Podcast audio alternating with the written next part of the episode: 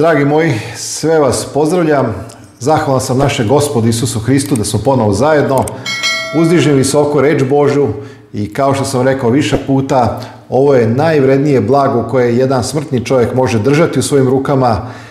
Reč Božja gdje je Bog otkrio svoj karakter, gdje je naš gospod Isus Hristos objavio predivnu ljubav očevu koji je izlio na ovaj svet time što je dao svoga jedinorodnoga Sina, naše gospoda i spasitelja Isusa Hrista, da jedan koji ga veruje, jedan ne pogine, nego da ima život večni. Kroz Isusa Hrista mi smo pomireni sa Ocem, kroz Isusa Hrista mi smo posinjeni, kroz to sinovstvo nam Bog daje silu i snagu da ne budemo više puki robovi greha, nego da budemo oni koji će tvoriti pravdu Božju i, i, i proslaviti njegovo sveto ime predivne su to, dragi moji, istine. Za večeras, zašto kažem večeras, sada je nekdo oko 20 časova, 19. novembar, četvrtak. Ja sam otišao do kuće, malo odmorio, imao sam danas naporan dan, ali mnogo toga urađenog i blagoslovenog. Odlučio sam evo da završim ovaj dan sa proučavanjem, vratio sam se ponovno u moju kancelariju sa proučavanjem reči Božje ali onda se u jednom trenutku zastoji, rekao sam sada moram ponovo da uključim ovu kameru i moram da podelim to oduševljenje o, o prirodi carstva Božjega i o carstvu Božjem koje proteruje tamo ovoga sveta i najavljuje kraj ovog današnjeg sveta kakvog mi znamo. Definitivno, ulaskom carstva Božjeg ovaj svet, kroz Isusa Hrista, ovaj svet je osuđen i on mora proći. Dela tame, i sve ono što dolazi od đavola je izvedeno na videlo. Isus je došao da raskopa dela đavola.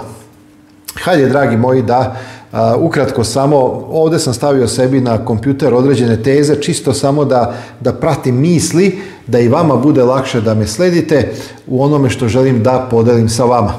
Isus Hristos je propovedao o carstvu Božjem i dragi moji, ono je bilo sastavni deo njegove službe Neko je da postoji oko 150 tekstova koji direktno govore o carstvu Božjem. E, nešto od toga je svakako izašlo iz usta Isusa Hrista, nešto iz usta apostola, ali zaista to nije mali broj i Bog želi da nam otkrenu predivnu istinu o carstvu Božjem. Naime, Isus i učenici su govorili o tome i živjeli su u skladu sa tim što su govorili prema tome. Namjerno naglašavam živjeli su prema tome jer poruka koja je neprimenjiva za naš današnji život je bezvredna. Ona ostaje samo u, u nekom nivou teorije i ako nas ne dotiče, ako to ne utiče i ne donosi neke benefite u naš današnji život, onda je zaista to jedan praporac koji zveči nema nikakvog smisla. Ali carstvo Božje koje kada se primi u srce donosi promjenu, donosi blagoslove, menja čovjekov um, od pesimizma ka optimizmu, od e, besmisla uliva nadu i čovjek postaje jači duhovno i čovjek ima više snage da se bori i da izdrži do kraja da bi dobio onoga dana kad Isus dođe venac neraspadljivi. Sveto pismo, dragi moji, sveto pismo je veoma praktično i dato nam je za praktični život. Sve ono što su teološke istine treba da budu sprovedene u delo, a to se u stvari zove etika. Znači, istina koja se živi je etična istina. Znači, nešto što postaje deo tvog i mog života. Apostoli i prva crkva su propovedali, živjeli kao ljudi koji su bili svesni da su upravo a, deo tog carstva Božjeg. Pitanje koje se postavlja jeste, ako je Bog smatrao da je ta tema toliko važna, i već sam spomenuo, da, se, da je zapisano negdje oko 150 tekstova u Bibliji koji govore o tom carstvu, zar to ne bi trebalo da bude predmet tvoje i moje pažnje i našeg istraživanja? Šta je carstvo Božje? Znate, obično kada kažemo carstvo Božje, mnogi e, misle na onaj trenutak kada ćemo otići u, u nebeska prostranstva gdje je Boži presto, gdje su anđeli koji slave Boga, da, su to, da je to teritorija neba i tako dalje. Jeste, dragi moji, jednoga dana u tom eskatološkom smislu e, na dozećeg carstva Božje kojeg čekamo u onom konačnom smislu kada će uništiti zauve greh, grešnike, demone, sotonu, uništiti smrt, iskoreniti plač, bol, suze. O tome ću, na kraju sam ostavio da, da o tome pročitam, onako da zakucamo ono što želim da kažem. to je činjenica, istina, ali Biblija upućuje nas na jednu predivnu istinu, a to je da je Carstvo Božje već u našim srcima time što je Isus već prisutan u nama kada ga prihvatimo verom i pustimo u naše živote. A Carstvo Božje definitivno je došlo sa početkom Hristove službe, jer Isus je prve reči koje je izgovorio u Lukinom evanđelju četvrtom pogledu kaže približi se Carstvo Božje. Zato ja želim da sve ono što govorim o tom nekom kraju, ne govorim o tom nekom kraju sveta i onome što dolazi u toj konačnoj analizi, nego da više govorimo da se približilo carstvo, a ne da se približio kraj. Ali to sad ima svoju svrhu samo kroz ovo naše dalje proučavanje. Prvo i osnovna stvar koju moramo razumjeti je sljedeća, da do Hristovog dolaska zemlja nije bila Božja, Božja teritorija. Vi znate da je Bog stvorio ovaj svet, i bilo je samo jedno carstvo. Božje carstvo. Nažalost, posle dolazi greh koji prevario, koji je prevario Adam i Jevu i osvojio ovaj svet i pojavljuje se drugo carstvo, a to je carstvo kneza ovoga sveta, carstvo Sotone i demona, carstvo tame. A onda će doći kasnije obnova o kojoj će uskoro govoriti. I vidite, čovjek je zgrešio, desilo se zaista nešto strašno, čovjek ne samo da izgubio kontakt sa Bogom, to sam rekao nekim mojim prošlim misijama, da greh razara, on kida te veze, on stvara pom, ponor taj između Boga i njegovih stvorenja i Isus Hristos je jedino taj most koji je premostio i ponovo pomirio čovečanstvo sa Bogom i doneo carstvo u svačije srce onoga, isključivo onoga ko primi Hrista. U Rimljanima u osmoj glavi apostol Pavle zapisao u 22. stihu jer znamo da cela tvar uzdiše i čeka da se jave sinovi Boži. Znači, cela tvar, šta je tvar? tvar substanca, a, kosmos, sve ono što je Bog stvorio, trpi pod uticajem greha i čeka da se jave sinovi Boži. Razlog ove muke je zbog čovjekovog a, greha, a Sotona je vladar u Evanđelju po Jovanu, u 16. glavi 11. stihu Isus kaže da je knez ovoga sveta đavo. On još uvijek živi, on jeste poražen na krstu, oduzeta mu je ta vlast u smislu i data onima koji su prihvatili Hrista, da budu sinovi i kćeri Božje, ali konačno uništenje đavola će tek doći još uvijek on hara ovim svetom, još uvijek muči ljude, još uvijek seje bolesti, još uvijek postoji smrt, još uvijek a, postoje nevolje. to im je kao ono dan D i dan V, Viktori pobjeda. Kad su se iskrcali saveznici na obale Normandije, bukvalno tada je Nemačka izgubila, ali je rat besneo još godinu dana. To se upravo desilo na krstogu Golgote. Sotone izgubio, ali evo još ovaj period besni rat e, dok ne bude konačna kapitulacija. E sada, Hristovim dolaskom dešava se, dragi moji, nešto neverovatno, nešto totalno drugačije, nešto novo, a to je ono predivno što želim da naglasim. Na zemlju dolazi carstvo Božje u ličnosti Isusa Hrista. I evo nekoliko tekstova koje ću podeliti sa vama. Ovo je istina koju, koju ja lično dugo nisam onako bio, bio svestan. Isus ne dolazi na zemlju da se brani. Isus dolazi na zemlju da osvaja. Isus dolazi na zemlju da pobeđuje. Činjenica je da njegov način ratovanja je totalno drugačiji. Ja pripremam jednu seriju predavanja koji ću održati u nekom narednom periodu gdje ću pokazati taj predivni Boži karakter poniznosti i ljubavi i službe kojim je on u stvari pobedio oholost i izvor svakog greha uništio đavola. Kao što kaže apostol Pavle ima drugom poglavlju, zato i on, misli se na Hrista, uze telo i krv da smrću satre onoga koji ima državu smrti, to je đavola. Zašto uze telo i krv? Pa da ode na krst i da umre. Bog moćni, Isus, sin Jahve, da do, došao je na ovaj svet, ponizio se do same smrti, a smrti na krstu, kaže apostol Pavle u Filibanima 2. I ta nevjerojatna poniznost treba da obuzima nas. Zato tamo kaže Pavle u Filipijanima 2, a ovo da se misli među vama što je u Hristu, to je ono čime treba mi hrišćani da se, to je ono što treba da obuzima nas. Šta da obuzima? Pa da mislimo ono što je u Hristu, koji kaže, iako je bio u obličju Božjem, nije hteo da se uporedi sa Bogom, nego je ponizio sam sebe, postavši poslušan do same smrti, a smrti na krstu i tako dalje. E, upravo želim da napravim jednu seriju gdje ću obraditi poniznost Isusa Hrista u njegovom dolasku na ovaj svet poniznost Isusa Hrista u njegovom zemaljskom životu i poniznost Isusa Hrista u njegovoj smrti. I to je ono što nas uči evanđelje i to je, zato je to, dragi moji, uski put, ali put koji vodi u život veći.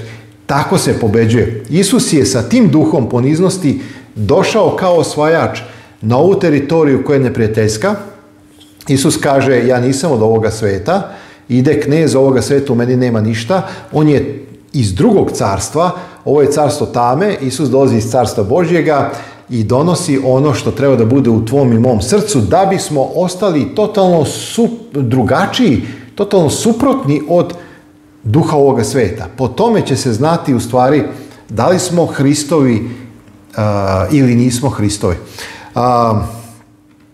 evo, ovdje ću pred vas izneti jedan dijagram. On će se evo, u ovom trenutku pojaviti na ekranu. E, možemo ovo prikazati znači, sljedećim dijagramom. U početku je postojalo carstvo nebesko, kao što sam rekao, i zemlja je bila deo toga. Dogod su Adam i Eva jel tako bili poslušni, ovaj, naša zemlja pod upravom Adama i Eve e, je pripadala carstvu Božjem. Kao što je bilo carstvo na nebu, tako je bilo carstvo na zemlji. Pod, ljudskom, eh, pod ljudskim padom u greh dolazi do razdvajanja. Postoji carstvo Božje koje je na nebu, kako kaže molitva oče naš, i postoji carstvo zemaljsko kojim upravlja Sotona. Bog povremeno deluje na zemlji, ali vladar je još uvijek Sotona. Sa Hristovim dolaskom počinje osvajanje i dva carstva deluju uporedu uporedo i oni se prepliču. Na kraju će postojati samo jedno, a to je carstvo Božje. Isus je započeo osvajanje i ono traje i danas. I u prvoj Jovanovoj, trećoj glavi, osom stihu piše da je Isus došao da uništi đavola dela. Evo, dragi moji, ja bih želeo da ne bi ja sad to prepričao, taj stih, ja više volim da pročitam reč Božju zato što verujem da kroz reč Božju struji duh sveti.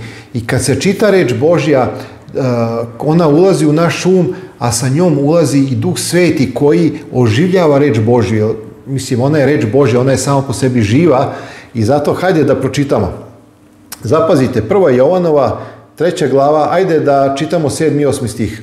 Kaže, dečice, niko da vas ne vara, koji pravdu tvori, pravednik je, kao što je on pravedan. Koji tvori greh od đavola je, jer đavo greši od početka. I sada zapazite, ključni, ključna misao. Zato se javi sin Boži da raskopa dela đavola. Isus je došao na ovaj svet kao osvajač, da raskopa, da obelodani, da pokaže, da otkrije karakter E, sotonske vladavine i da konačno ovaj svijet vidi da je Bog pravedan, a da je đavo laža, da je on otac laži i da sve što đavo radi jeste da zavede, da prevari i da uništi. I Isusov život, koji je totalno drugačije prirode od ovoga svijeta, razotkriva i uništava sve ono što je đavo mutio, varo i činio do današnjih dana. U Lukinom evanđelju, četvrtom poglavlju od 17. do 21. stiha, ovo sam večeras onako čito više puta, Isus, dragi moji, objavljuje carstvo. Na koji način? Kaže, ja sam tu. Ja sam, ja sam carstvo. Moj život, moje delovanje otkriva, donosi čovečanstvu carstvo Božje. Zapazite, evo, ja sam se onako, prosto čovjek se znoji kad ovo E, ja, ja zamišljam sebe kako stojim u sinagogi i slušam Isusa Hrista koji čita ove reči, a onda kažu danas se ovo pismo izvršava ušima vaš, vašim. Zašto? Pa zato što ono što je pisalo proročanstvo u knjizi proroka Isaije sada se ispunjava kroz reči Isusa Hrista koji kao osoba, božanska osoba, stoji u telu i čita tekst koji se izvršava. Prosto, dragi moji, ovo je predivno. Kaže tekst, Du Gospodnje na meni, jer me pomaza da javim evanđelje siromašnima. Posla me da srca ranjena iscelim, da zarobljenima javim slobodu i slepima povratak očiju, izmučene e, slobodne da pustim i da objavim godinu milosti gospodnje. Dragi moji, ako je danas Isus Hristos u nama, ovo se dešava, on nas oslobađa greha, on nam donosi slobodu. On nam donosi mir, ljubav i radost. On nam donosi a, sve ono što je suprotno od ovoga sveta. I zato mi kažemo već danas kao hrišćani da carstvo Božje u nama, ono je počelo da raste kao mali onaj kvasac, kao gorušičino zrno, a onda bukti, bukti, širi se. I zato hrišćani, zato hrišćani koji primaju Hriste i žive iz dana u dan, a, neminovno doživljavaju da to carstvo raste i širi se. I pošto se širi i pošto, pošto to carstvo, dragi moji, raste, čovjek ne može da čuti. Kako će da čuti? Kako kad kipi, to izbija iz njega. Nikada neću zaboraviti jednu propod koju sam slušao pre neki 28 godina, dao mi jedan moj komšija na VHS kaseti. Krčmar Dragan, evo, to je moj dobar komšiji brat i kaže Zoki, oslušaj u propojed Ja sam ubacio u video malo je VHS kaseta onako već bila istrošena, ali sam čuo predivnu propojed od jednog crnca, ne znam ime, izvinjavam se, ali on je rekao od onog trenutka kada sam pustio Hrista u moje srce, iz dana u dan osjećam kako mi srce raste i kako sve više volim ljude oko sebe i kako sve više živim u toj slobodi i kako se menjam. Dragi moji, carstvo Božje raste. I evo sad ću vam pokazati kroz nekoliko biblijskih tekstova kako je Isus opisao početak delovanja carstva Božjega i kako ono raste. još jedan tekst koji bi samo nadovezao na ovaj prethodni, pre nego što krenemo s ovim primjerima, jeste Matej 12.28. Ima mnogo tekstova gdje Isus oslobađao ljude od raznih bolesti, od demona, i tako dalje. I u Mateju 12.28 tekst kaže da je istarao zlog duha, a onda kaže, ako li ja demoni sterujem pomoću Božjeg duha, onda je vama došlo carstvo Božje. I vidite, već nekoliko puta Isus govori o stvarenju i dolasku carstva Božjega koje je otpočelo sa njegovom pojavom na ovome svijetu. Carstvo Božje osvaja, dragi moji, ono se ne brani, ono prodire. Isus je došao kao osvajač i to je evo još jednom, još jednom ponavljam. Mi kao hrišćani nemamo razloga da kukamo, nemamo razloga da znam, znam da ima siromašnih, znam da ima ljudi koji su u problemima, znam da ima ljudi koji imaju mnogo nevolja, i sam sam imao često u životu, nisam ja, dragi moji, pod nekim staklenim zvonom, nemojte misliti. I, i u današnjem danu postoji mnogo problema koje vi ne vidite na ovome videu i tako dalje. Ovo što radim i kako sada delujem, to je zato što nalazim tu radost i, i u prisutnosti Božjoj ja delim tu radost koju imam sa vama, ali život ni malo nije lak, da se razumemo. Ali šta je pojenta? Kada kukamo, mi ne prosaljamo gospoda. Mi ga slavimo kada se ponašamo hrabro i u nevoljama. Dragi moji, ako je dobro, pa nije problem slaviti Bog. Ali ajde slavi ga kad naiđu nevolje. E, kad najđu nevolje, a ti ga slaviš, tada ga proslavljaš. Tada se veliča ime Božje, jer ti pokazuješ da si pobedio svaku nevolju, bol i patnju, jer se oslanjaš na Hrista. Tu je razlika, dragi moji, i to je ono što moram napomenuti. Ali idemo dalje. Ovo osvajanje naše gospode Isusa Hrista koji, koje dolazi carstvom Božjim uh, ide polako. Zapazite Marko 4. glava 26 do 32. I reče još, tako je sa carstvom Božjim, kao kada čovjek baci seme na zemlju. On spava, proze noć, dan i tako dalje. On ne razmišlja mnogo, a ono polako raste dok ne prekrije sve. I tako dalje. I onda kaže, donosi najprije travu, zatim klas, pa onda ispuni pšenicu u klasu, a kad sazri plod, stiže se e, srp jer je žetva blizu. Znači čovjek je bacio seme i prolaze dani, kao da se ništa ne dešava, ali svakoga dana se nešto dešava.